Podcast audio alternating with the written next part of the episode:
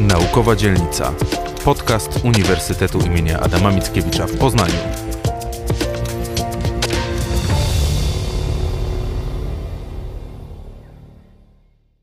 Dzień dobry.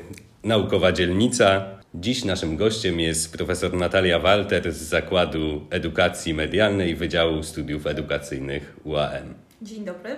Pani profesor, 14 października, Dzień Edukacji Narodowej i Dzień Nauczyciela w Polsce. Nauczyciele mają za sobą ciężkie doświadczenie pandemii. Jak to na nich wpłynęło? Pytanie jest bardzo wieloznaczne tak naprawdę i nie można na nie odpowiedzieć wprost, jak to zwykle naukowcy mają. Po pierwsze, jak myślimy o nauczycielach i tych ich doświadczeniach z okresu pandemii, to musimy wziąć pod uwagę różne elementy. Czyli z jednej strony to są kwestie związane z tym, jak poradzili sobie z technologiami. Było to na pewno wyzwanie, zwłaszcza na początku pandemii, dla większości nauczycieli, również nauczycieli akademickich. Natomiast wszystkie badania, które na początku pokazywały, że rzeczywiście te technologie stanowiły ogromną trudność, ogromne wyzwanie, z czasem zaczęły ustępować innym trudnościom, innym problemom. Okazało się, że posługiwanie się sprzętem nie jest aż tak skomplikowane, że aplikacje są łatwe, łatwo obsługiwalne i większość nauczycieli rzeczywiście znakomicie sobie z tym poradziło. Podnieśli swoje kompetencje cyfrowe. To jest na pewno taki walor edukacji zdalnej, walor pracy nauczycieli w trakcie pandemii, ale to, co z nami też pozostanie, nauczyciele odkryli, że mogą dokształcać się poprzez internet. Czyli podnoszą swoje kompetencje nie tylko cyfrowe, ale też kompetencje z zakresu innych obszarów czy obszarów zainteresowań, czy obszarów takich zawodowych. Biorą udział w studiach podyplomowych online, w jakichś kursach dokształcających.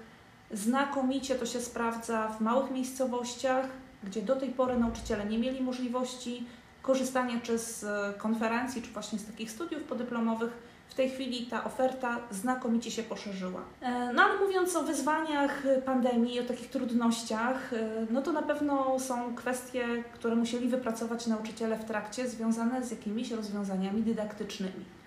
Czyli pierwszym takim momentem było to, że pierwszym wyzwaniem, tak naprawdę w pierwszym momencie, było to, jak przekazać treści uczniom. I to mieli z tym problemy i nauczyciele szkół podstawowych, średnich, i nauczyciele akademiccy najpierw pojawiła się idea taka, że będziemy przesyłać treści studentom, uczniom, a oni sami sobie poradzą z rozwiązaniem zadań. No ale to był taki moment, kiedy wydawało nam się, że będziemy w tej pandemii przez dwa tygodnie i za chwilkę wrócimy z powrotem do szkół czy na uczelnię. Tak się nie stało. No więc nauczyciele zaczęli się zastanawiać, co dalej z tym możemy zrobić. Zaczęto poszukiwać innych rozwiązań, sięgnięto po rozwiązania, które służyły do takiej komunikacji synchronicznej, czyli w czasie rzeczywistym, gdzie mogliśmy spotykać się z uczniami, gdzie mogliśmy spotykać się z, z z, ze studentami, e, z innymi nauczycielami zresztą również e, i mogliśmy prowadzić zajęcia, prowadzić lekcje. No i znowu, na początku głównie było to takie przełożenie, że muszę prowadzić lekcje w sposób podający.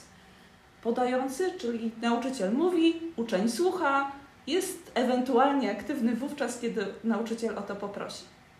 Tutaj powiem taką rzecz, którą mówię wielokrotnie, mówiłam też podczas inauguracji dla studentów pierwszego roku, że bardzo nie lubię tego medialnego określenia nauczanie zdalne.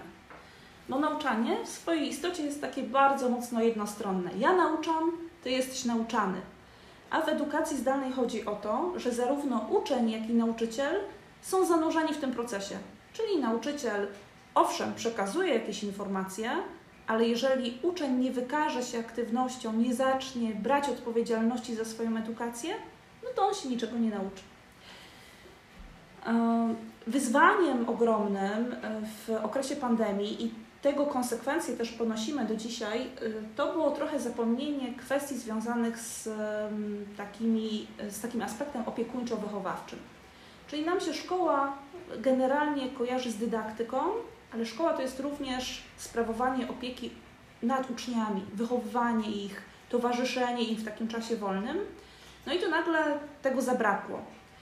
E, różne się pojawiały pomysły, e, co z tym zrobić, jak sobie z tym poradzić, różne pomysły na takie zajęcia integracyjne w trakcie pandemii, jak robić je zdalnie. Nauczyciele wykazywali się szeroką pomysłowością, no ale to nie do końca wychodziło.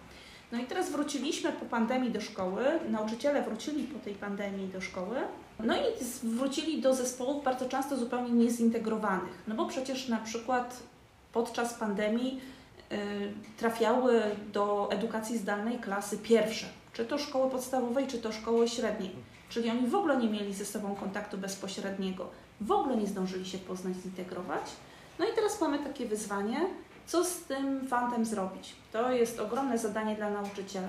Inne e, wyzwania, inne konsekwencje to na pewno kwestie związane ze współpracą między szkołą a domem.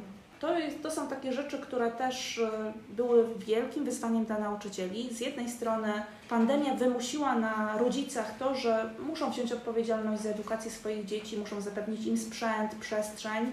Tak naprawdę to spadło w dużej mierze na barki rodziców. Oni samodzielnie musieli sobie z tym problemem poradzić. Z drugiej strony rodzice chcieli troszkę podejrzeć ten proces edukacyjny, więc nauczyciele mieli nierzadko do czynienia z dodatkowymi uczniami w trakcie lekcji. Mówię to w cudzysłowie, tak? czyli obecni w trakcie lekcji byli dziadkowie, rodzice, którzy, którzy czasami podpowiadali, którzy dopowiadali, niestety też komentowali lekcje.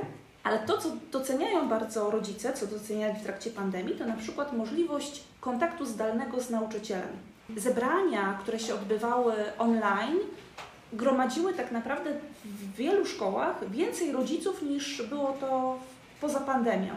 Czyli jest to taka wyraźna wskazówka, że powinniśmy przynajmniej niektóre spotkania, niektóre zebrania prowadzić w formie zdalnej. Bywało, że łączyli się z nauczycielem lekarze, z dyżurek, gdzieś tam y, poubierani w te stroje, nawet covidowe. Y, były takie sytuacje. Na pewno takim ogromnym wyzwaniem, jeśli chodzi o nauczycieli i tego konsekwencje również do dzisiaj będziemy odczuwać, no to były kwestie związane z takim dobrostanem psychicznym, ze zdrowiem psychicznym zarówno nauczycieli samych, uczniów, jak i rodziców. Badania, które były przeprowadzone pod kierunkiem Grzegorza Ptaszka, można je przeczytać sobie na takiej stronie zdalnenauczanie.org, mówią o tym, że we wszystkich tych trzech grupach, i wśród dzieci, i wśród rodziców, i wśród nauczycieli, pojawiły się problemy z funkcjonowaniem psychicznym. Czyli wszyscy zaobserwowali pogorszenie swojego stanu zdrowia psychicznego i najgorzej ta sytuacja wypadła wśród nauczycieli. O, tam rzeczywiście około 40% nauczycieli mówiło, że czują się gorzej. Y, byli nauczyciele, którzy mówili, że pracują w domu, a mówiąc więcej, mieszkają w pracy, bo to już do tego stopnia y, zostało doprowadzone. Mm, na pewno, mm, jeżeli są dyrektorzy, którzy są świadomi tej sytuacji, no muszą pomyśleć o zadbaniu o ten dobrostan psychiczny nauczycieli. Oni rzeczywiście zmierzyli się z sytuacją dla siebie bardzo trudną, y, sytuacją taką trochę bez wyjścia, byli postawieni pod ścianą. Jeszcze inną kwestią e, są problemy związane z tak zwanym dobrostanem cyfrowym. To też dużo na ten temat możemy mówić. Każdy z nas wie, ile czasu spędza ze smartfonem, z komputerem, no i jak to wyglądało w pandemii. Nauczyciele, tak jak mówiłam, mieszkali w pracy, a zatem przy tym komputerze byli niemal 24 godziny na dobę. E, tak samo zresztą było w przypadku uczniów czy w przypadku rodziców. Czy możemy coś z tym zrobić? Tak, badania mówią, że rzeczywiście są pewne sposoby radzenia sobie z takim zaburzonym dobrostanem cyfrowym, gdzie tych mediów ekranowych jest zbyt dużo. Po prostu musimy znaleźć sobie dodatkowe zajęcia. Jakieś związane na przykład z własnymi zainteresowaniami, y, czy z aktywnością fizyczną, której nam bardzo brakowało. Pani profesor, zastanówmy się w takim razie, czy te problemy zostaną długotrwale z nauczycielami? Czy jest taka szansa, że skoro już wróciliśmy do nauki, do edukacji stacjonarnej, to czy w takim razie te problemy znikną? Czy być może one są już tak zakorzenione, że gdzieś tam jeszcze będziemy się z nimi borykać? Myślę, że niektóre problemy tak naprawdę pandemia tylko uwypukliła. Czyli one były wcześniej wśród nauczycieli, można było je zaobserwować Natomiast y, no, pandemia pokazała, że rzeczywiście jest nieco gorzej niż myśleliśmy początkowo, czyli kwestie chociażby tego dobrostanu psychicznego nauczycieli, wypalenia zawodowego i innych takich kwestii, o których się mówi w badaniach, były obecne przed pandemią, a zatem no, nic nie wskazuje na to, żeby nagle teraz w magiczny sposób zniknęły. Czyli wszelkie działania, które mogą służyć poprawie zdrowia psychicznego nauczycieli, wsparcie w różnym zakresie, czy wsparcie ze strony dyrekcji, y, wsparcie ze strony nauczycieli. No, marzyłoby nam się wsparcie ministerialne, tak? takie bardziej systemowe, co my możemy zrobić, jak poprawić ten komfort y, nauczycieli. No to jest na pewno wielka sprawa i to na pewno nie zniknie i musimy nad tym popracować. Co jeszcze zostanie y, z nami z takich problematycznych kwestii, tak sobie myślę na, na szybko, no na pewno te wyzwania związane z integracją zespołów klasowych. I tutaj się pojawiły takie konkretne rozwiązania, pomysły na rozwiązania. No i one nie zawsze są trafione, czyli najpierw nauczyciele prowadzili we wszystkich, we wszystkich klasach tak zwane zajęcia integracyjne. A to były jakieś gry, a to były jakieś przeciąganie sznurków, a to jeszcze inne, bardzo nienaturalne sposoby integrowania grupy tak naprawdę. No, tych sposobów integrowania grupy mamy dużo więcej. Wiemy, że dzieci integrują się poprzez wspólne działanie, poprzez wspólną pracę. Bardzo dobrym sposobem jest rozsadzanie dzieci, usadzanie ich w jakichś tam różnych konfiguracjach. W naturalny sposób. Mieszamy grupy, wymieniamy y, dzieci między sobą. No a niekoniecznie prowadzimy takie stricte, sztuczne zajęcia integracyjne, bo dzieci już też na to reagują tak bardzo z wielką niechęcią. Y, na pewno z takich kwestii problematycznych zostaną y, utrudnione nierzadko problemy między mm, szkołą a domem, zwłaszcza w sytuacji uczniów, którzy mówiąc kolokwialnie wypadli nam z systemu. Jest pewna grupa uczniów, o których wiemy, nie do końca wiadomo jak liczna jest to grupa, który, którzy po prostu w trakcie tej edukacji zdalnej zniknęli z systemu, przestali się pojawiać. No i teraz no, znowu na nauczycielach mm, spada ciężar, spoczywa ciężar tego, żeby się nimi zająć. To wygląda na sporą liczbę problemów, którą będziemy się musieli zmierzyć, ale w tej chwili wracamy do normalnej szkoły. Już troszeczkę o tym mówiliśmy, ale które działania podczas pandemii, które wyrosły, mogą z nami zostać na przyszłość, a które powinny wypaść i już e, nie wracać do systemu nauczania. Jasne. Jedną taką kluczową kwestią to są oczywiście te technologie. Ja jestem zwolenniczką wykorzystania technologii w edukacji, jestem kierownikiem Zakładu Edukacji Medialnej, więc po prostu tym się zajmuję na co dzień, ale sprawa z technologiami wcale nie jest taka prosta i oczywista. Otóż badania wcale nie mówią jednoznacznie o tym, że technologie zastosowane w edukacji sprzyjają wzrostowi efektywności dydaktycznej. Ale jest jeszcze inny aspekt. Te technologie powodują tyle, że zajęcia stają się bardziej atrakcyjne dla uczniów. Jeżeli one stają się bardziej atrakcyjne dla uczniów, no to też uczniowie chętniej uczą się. Ten efekt nie jest bezpośredni, ale rzeczywiście skutkuje jakimiś tam pozytywnymi konsekwencjami. Na pewno nauczyciele opanowali znakomicie technologię, przynajmniej większość z nich, i tak pokazują badania, czy centrum cyfrowego, czy jeszcze inne.